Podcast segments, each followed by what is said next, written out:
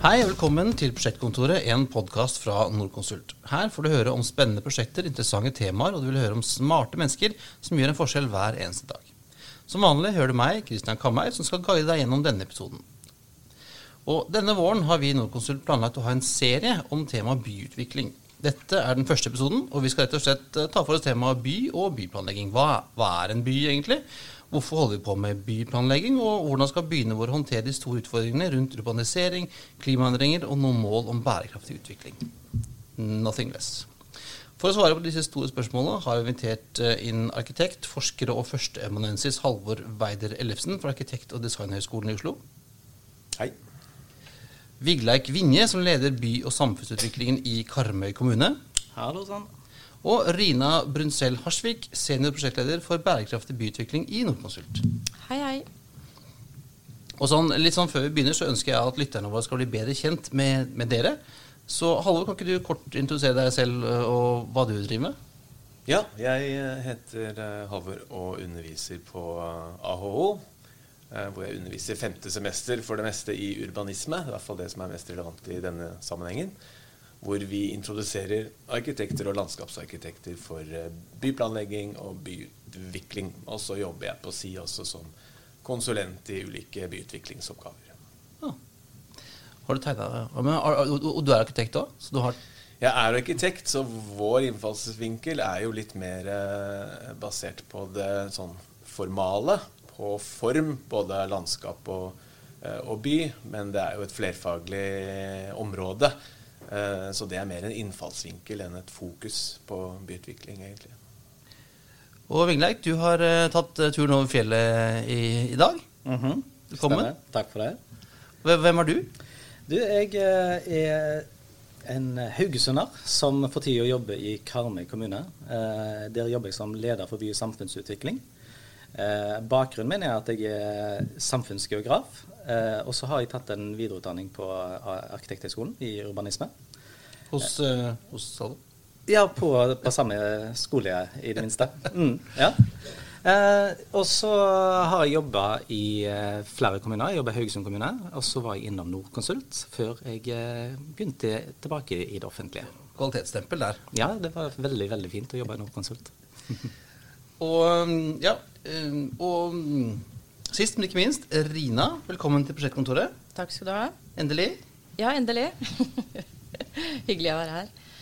Eh, Jeg er um, Rina, en født og oppvokst i Oslo, statsviter. Jeg har også en uh, videre etterutdanningsmaster i urbanisme. Uh, Jeg har vært politiker i mange år. Uh, Satt 16 år i Oslo bystyre. Åtte av dem var jeg heldagspolitiker i byutviklingskomiteen. Em, og fikk være med på hele Bjørvika-reisen, eh, som var utrolig spennende. Eh, Etter at jeg var ferdig med politikken, så gikk jeg over til Gambit, vår tidligere felles eh, arbeidsgiver Christian. Ja, det, Som noen journalister mener er the dark side, altså PR-bransjen. Yes, riktig. Eh, og der var jeg i ganske mange år. Eh, og så gikk jeg over til Entra Eiendom, var kommunikasjonsdirektør der. Og i Forsvarsbygg. Så eh, gikk jeg tilbake igjen til eh, kommunikasjonsbransjen for å tenke, og så fikk jeg anledning til å jobbe i COVI, en konkurrent av Norconsult, om bærekraftig byutvikling. Jeg har egentlig holdt på med byutvikling nesten i alle årene, men jeg har bare bytta litt stoler. Ja. Så nå er jeg i Norconsult og holder på med bærekraftig byutvikling her. Kjempegøy. Da kjenner vi alle, alle hverandre litt bedre. Og da tenker jeg vi skal ta sånn det, starte med det store, enkle spørsmålet, Halvor. Hva, hva er en by? Ikke sant? Det, det virker jo- så enkelt. Ja. Det er kanskje Rina og jeg som er Oslo-folk eh, egentlig mener at det er bare én by i Norge, men Det er, det er i hvert fall uh, slik uh, diskusjonen fortoner seg når vi diskuterer byutvikling i, i Norge. For det, det er så mye fokus på de store byene. På, på prisvekst og, og, og flytting av mennesker og varer og tjenester. Eh, men eh, Norge er jo stappende full av små byer. For det skal jo bare være 5000 hoder for å bli en by i Norge. Det er den tekniske betegnelsen. Så er vel den litt sånn akademiske betegnelsen er ganske enkelt at et, en by er et område hvor du har en viss tetthet av folk, og du har utveksling av varer og tjenester. Og det sier kanskje ikke så mye, og dermed så er det en annen forståelse av by som kanskje dominerer mer ordskiftet.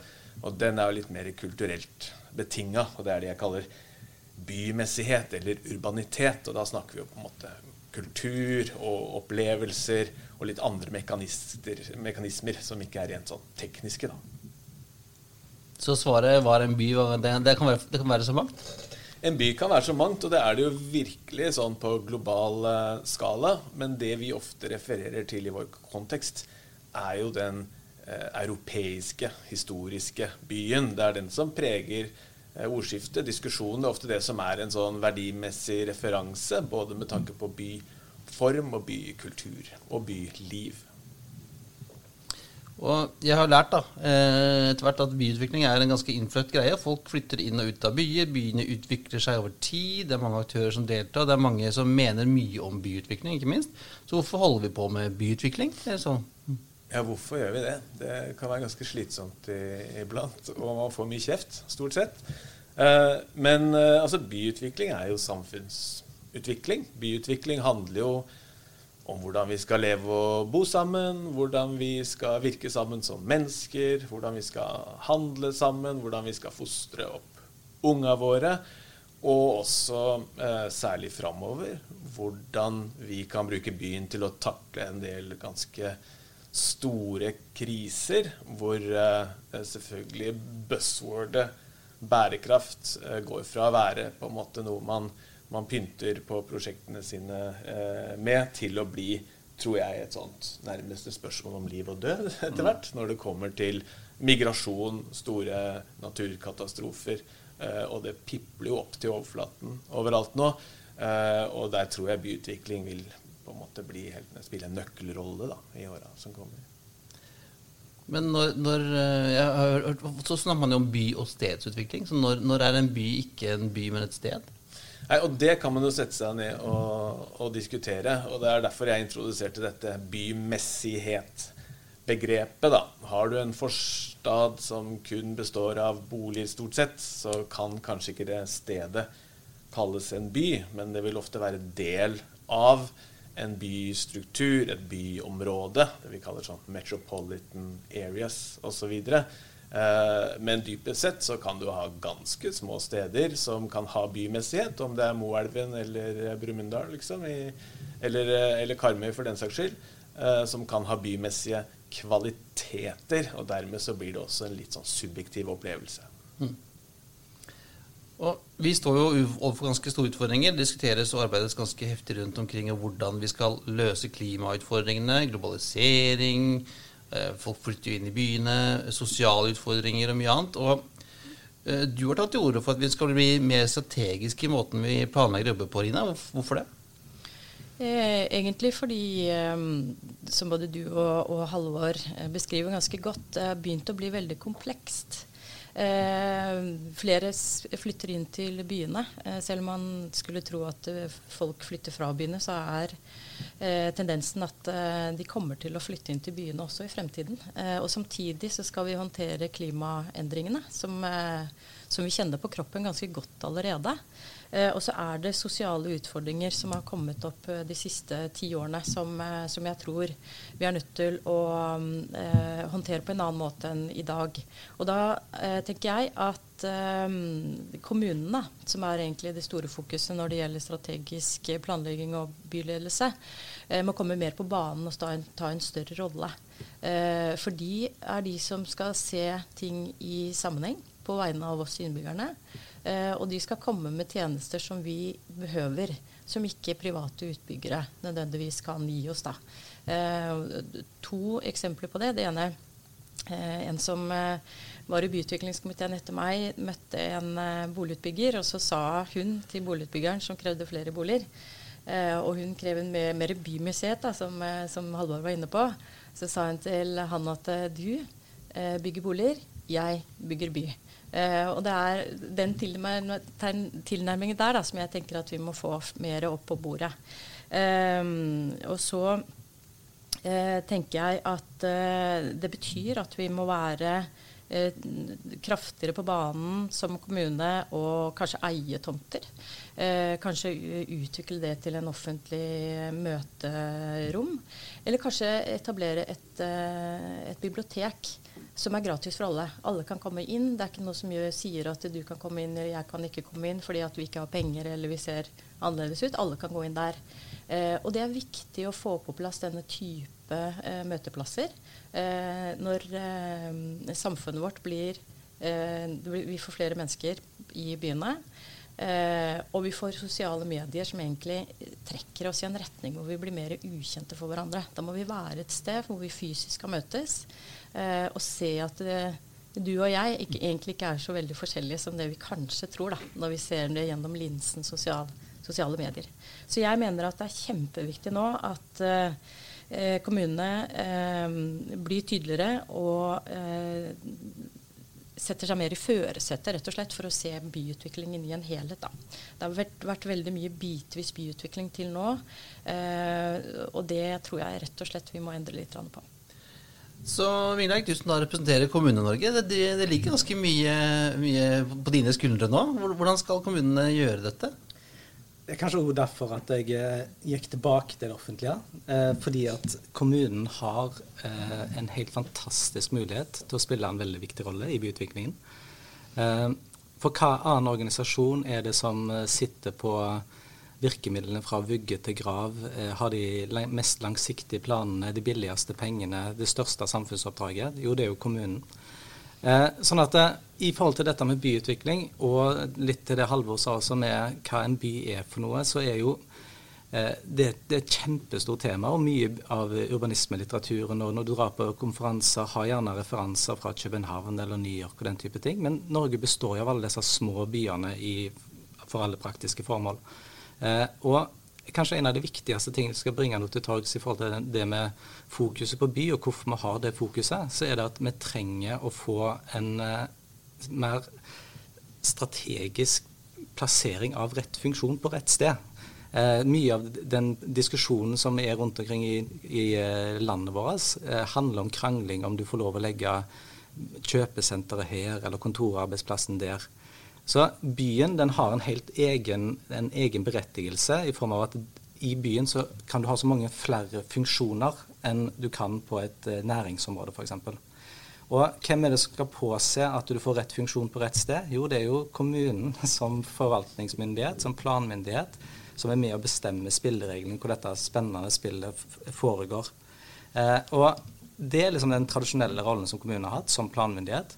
Men så er det blitt et mye sterkere fokus senere tid på kommunen som strategisk utvikler. Og det handler om kommunen som samfunnsutvikler. Og da tror jeg at en skal fortsatt forvalte den rollen en har som planmyndighet, som er utrolig viktig. Eh, men samtidig så trenger en å legge til rette for eh, mye mer samskaping, eh, som også er et av disse buzzwordene, Halvor. Men det er på en måte en, en, eh, en, en rolle som en må gå inn i eh, og finne, finne nye måter å jobbe på. Um, som sagt, vi har eh, de, det største samfunnsoppdraget. Uh, vi sitter holdt på å si, nesten på bukta begge ender. Uh, og Derfor er vi i en helt spesiell posisjon til å være med og utvikle samfunnet. Så uh, kommunens rolle inn i byutviklingen den, det er et kjempeviktig tema. og det er i min bok uante muligheter. Og så er det jo liksom forskjell, forskjell på hvor, hvor, liksom, hvor, harde kommunen er i klypa. Da. Nå har ikke jeg spurt hvilket, hvilket politisk parti du jobbet for, eh, for Ina, men, men, det er jo forskjell på noen kommuner er jo veldig sånn eh, næringsdrevet og liksom fri, fritt fram og laissez-faire, mens andre kommuner har mer, er mer harde i klypa. Hvor harde i klypa må kommunen egentlig være? Jeg kan ikke spørre begge to, da. Eh, med deg. Hvor harde må man være for liksom, å få den utviklingen kommunen ønsker? Når det kommer til hvor hard en kommune må være, så tror jeg i alle fall den ideen om eh, ja-kommune er, eh, er, er, noe som ikke er så veldig produktivt. For en ja-kommune er en kommune som i prinsippet har sluppet rattet. Altså En kommune må kjenne sitt ansvar, for det at når en kommune sier ja til noe, så sier en også implisitt nei til noe annet veldig ofte. Eh, jeg tror at det er mye av dette handler om. Dette handler om å klare å skape en visjon for hvor en skal henne, og klare å få med seg de aktørene som skal være med på den reisen. Fordi det finnes jo ingen, heldigvis, ingen by i Norge som er bygd opp av det offentlige alene. Det er et samspill mellom private og offentlige.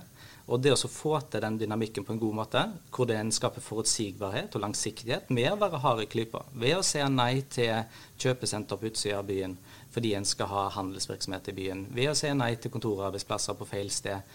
Altså Dette tar veldig veldig lang tid. Det er langsiktige investeringer, det er langsiktige planer. Og på noen ting så tror jeg jeg må være ganske hard i klypa. Og så må en finne løsninger sammen med eh, det private for å utvikle de stedene og byen vi ønsker oss. Og det var jo du også litt inne på, Lina, det samspillet mellom privat og offentlig. Mm, ja, det er kjempeviktig. Eh, og tilbake til spørsmålet om eh, eh, hvor harde i klypa man må være. Så, så tenker jeg det er, eh, det er, forskjellig fra kommune til kommune. Sånn, eh, så er det også kulturelt sett. Den kommer Vigleike fra Rogaland, som er en plankomfylke. Eh, på en annen måte, eller gamle, da, eh, på en annen måte enn en andre fylker er. Eh, så den forskjellen vil man nok uansett ha. Men eh, i nabolandet vårt, Danmark, så er tendensen nesten uansett hvilken kommune du kommer fra, at man vil ha kommunene mer aktive enn det man har hatt tidligere.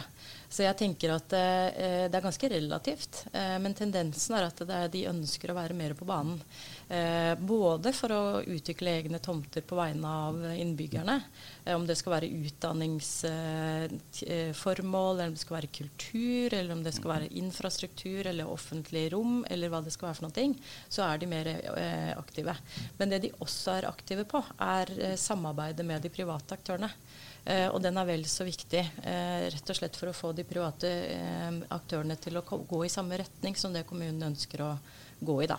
Eh, så hvis du tenker at uh, industrien gikk bort i en kommune, du ønsker å satse på nye ting, velger utdanning som et uh, satsingsområde f.eks., så ønsker man å samarbeide med de private for å få til en satsing for hele kommunen. Da, for å få den til å være attraktiv som utdanningsby for, for studenter.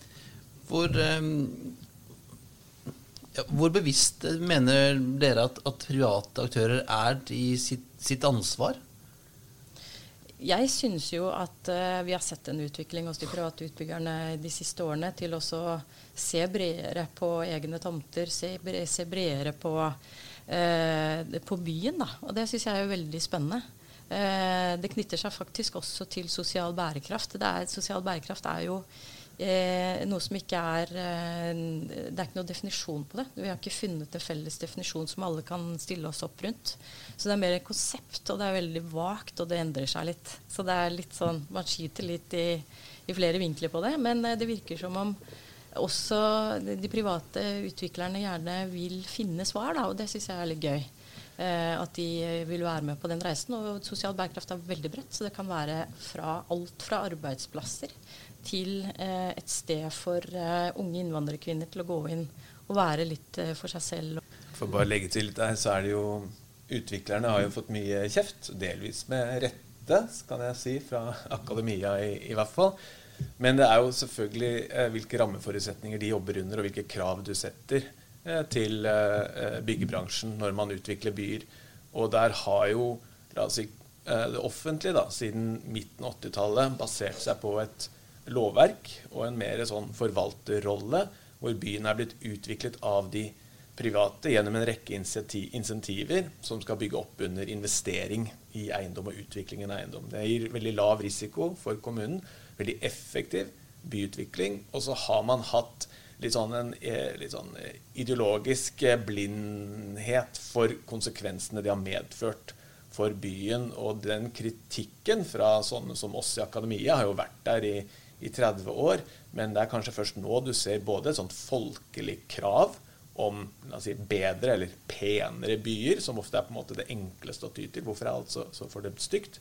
Uh, du ser en bevegelse i, uh, blant utviklere om å jobbe med byen som en litt mer kompleks størrelse. Det er både mer faglig interessant, det gir mer økonomisk gevinst også på på sikt og jobbe mer bærekraftig. Og til slutt så kommer også eh, politikere eh, og eh, eh administrasjonen eh, og innser at vi må ta en litt større rolle. Vi må også ta en kanskje noe større risiko. Det å forvalte seg eh, gjennom byutviklingen, det fungerer ikke. Spesielt ikke med de utfordringene vi har knytta til transformasjon og fortetting, som er den utvikling av visering i dag. Altså at Vi bygger ikke lenger i samme grad by på, på upløyd. I hvert fall så burde vi ikke gjøre det.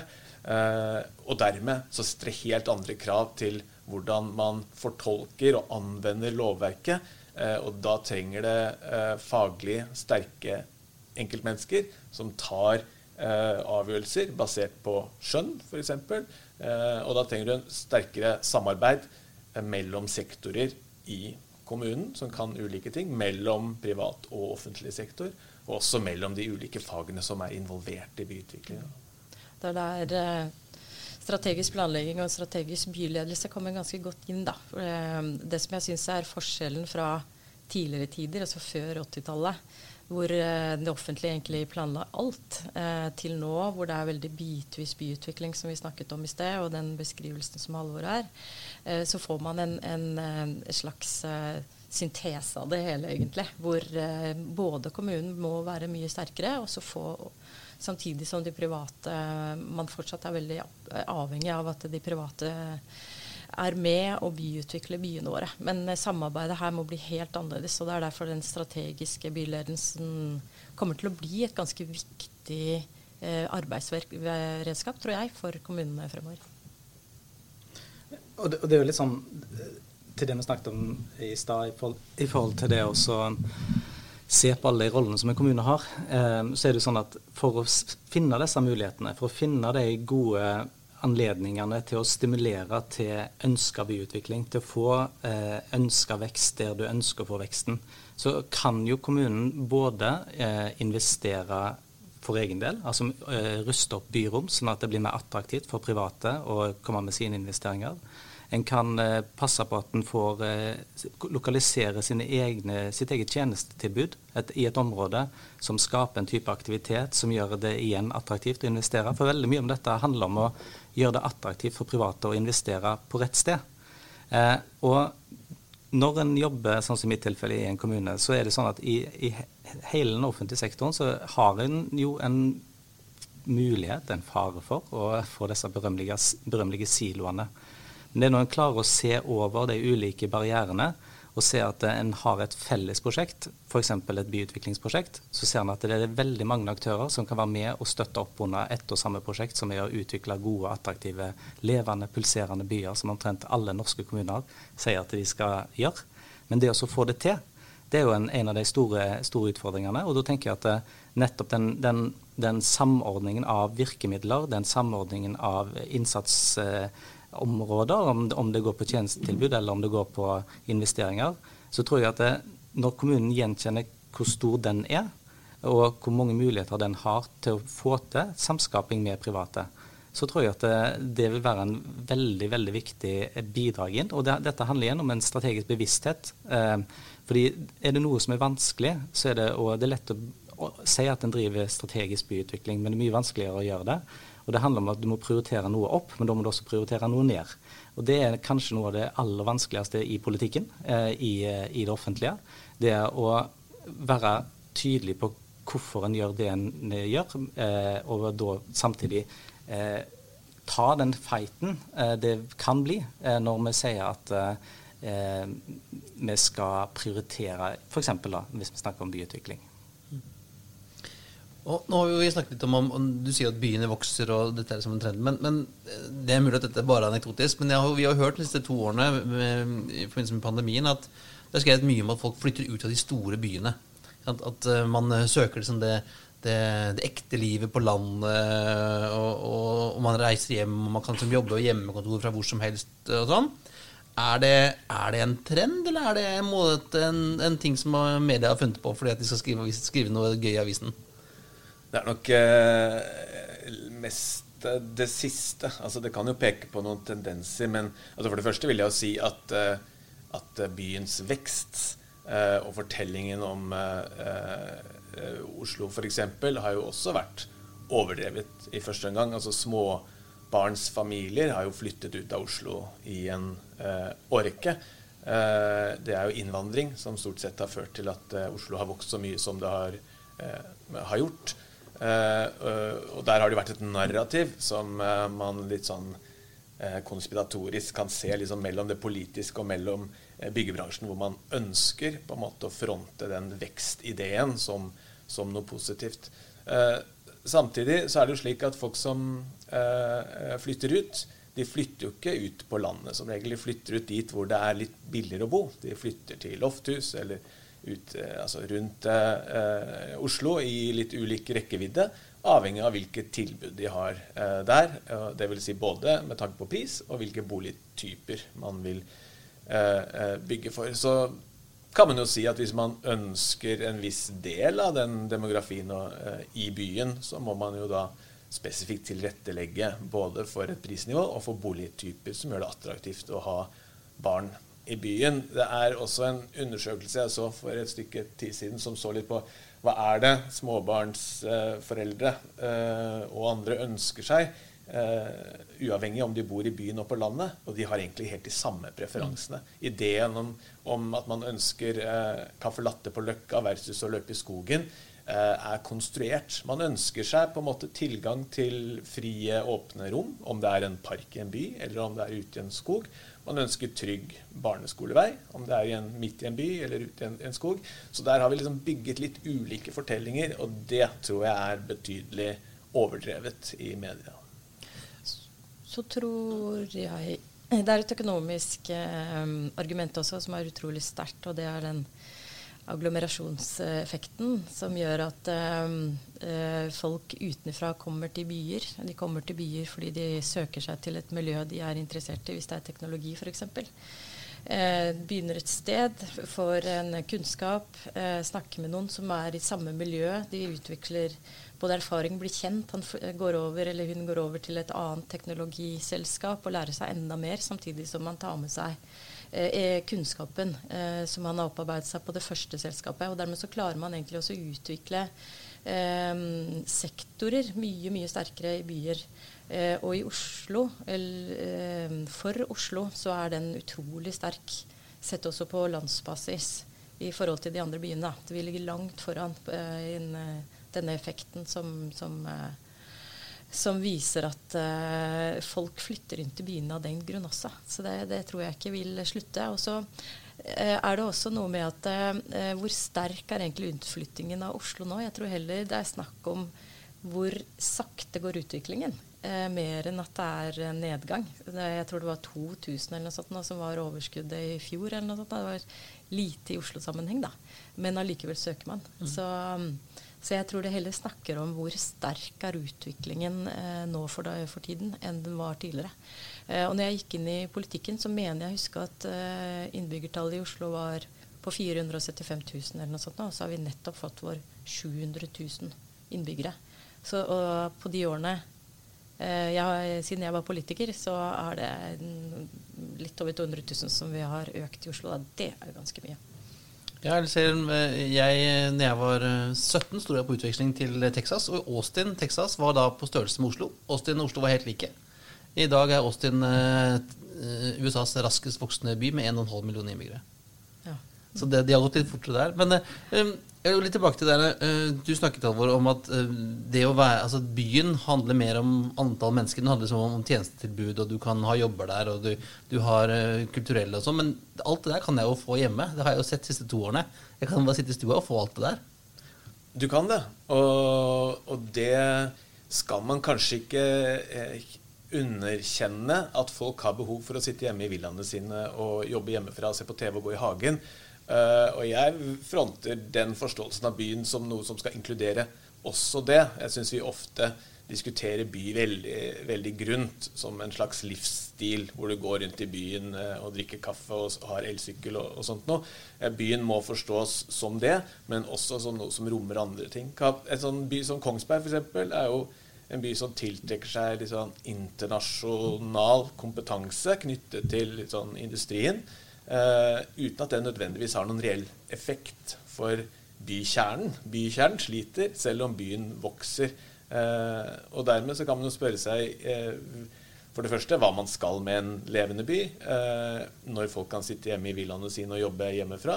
og hvorvidt det er, er, ønskelig. Og da er vi litt sånn tilbake til det, til det Rina nevnte i sted. At hva er det bykjernen, og hva er det byrommene kan? Eh, og det de kan historisk sett, er jo å introdusere deg eh, ufiltrert for andre typer mennesker, andre typer opplevelser som du ikke eh, kan velge bort på samme måte som du kan på sosiale medier f.eks.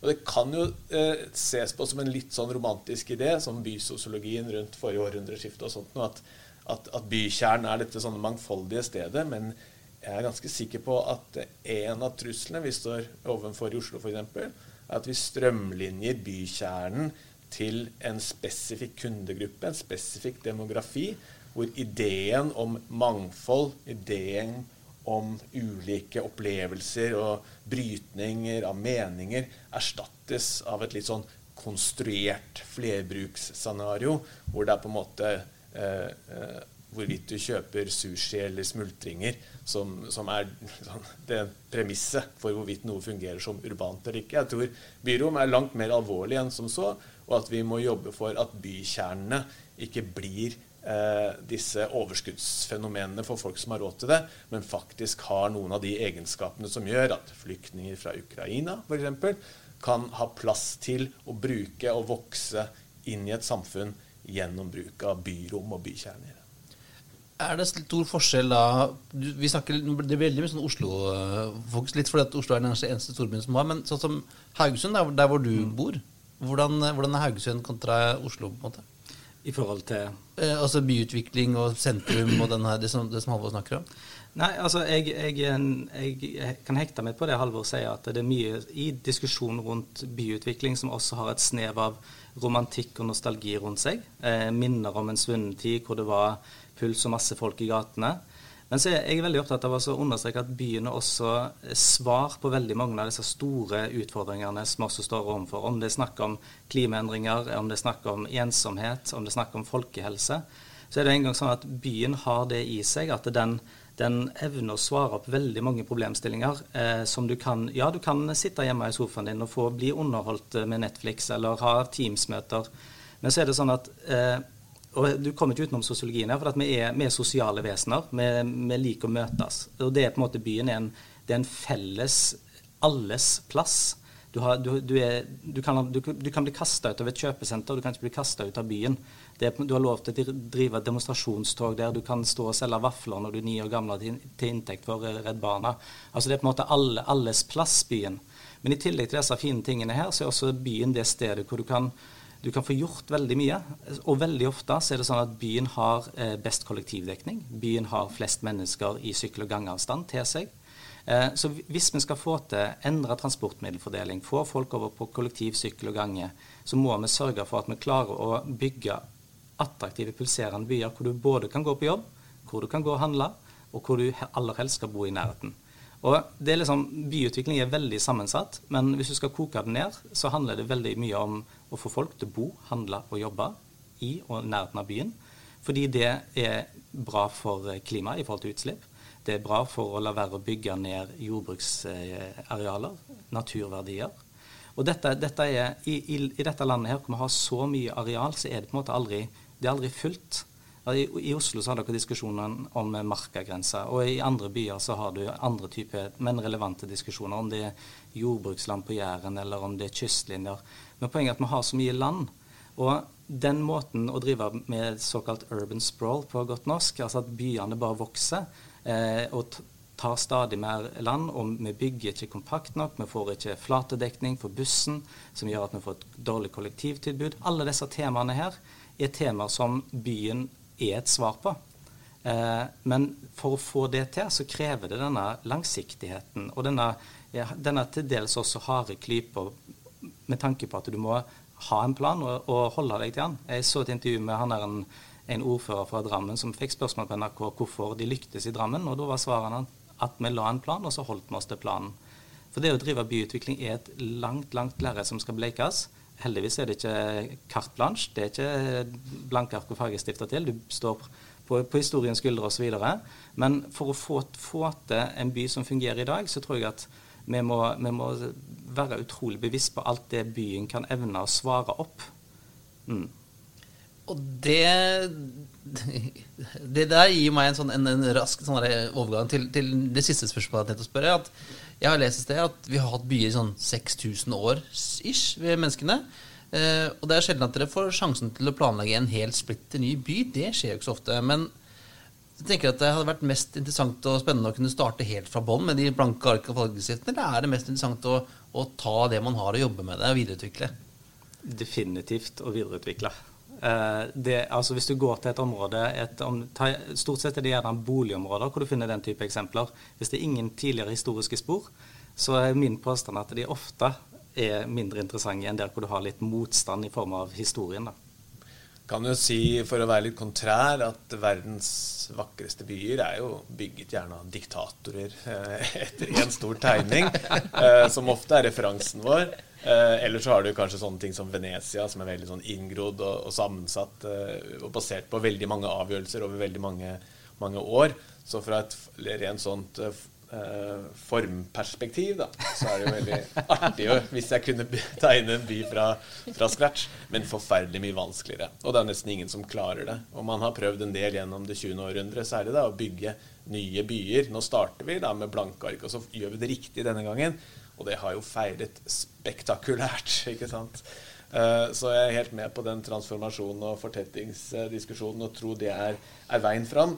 Men det er viktig da at det eh, Det er ikke nok at eh, Vigleik eller Rina eller jeg sitter og, og snakker om dette. Det, det, det, er ganske vrient. Og for å ikke ha det Oslo-fokuset, altså om du jobber på Sortland eller jobber på Lillehammer nylig Problematikken er den samme.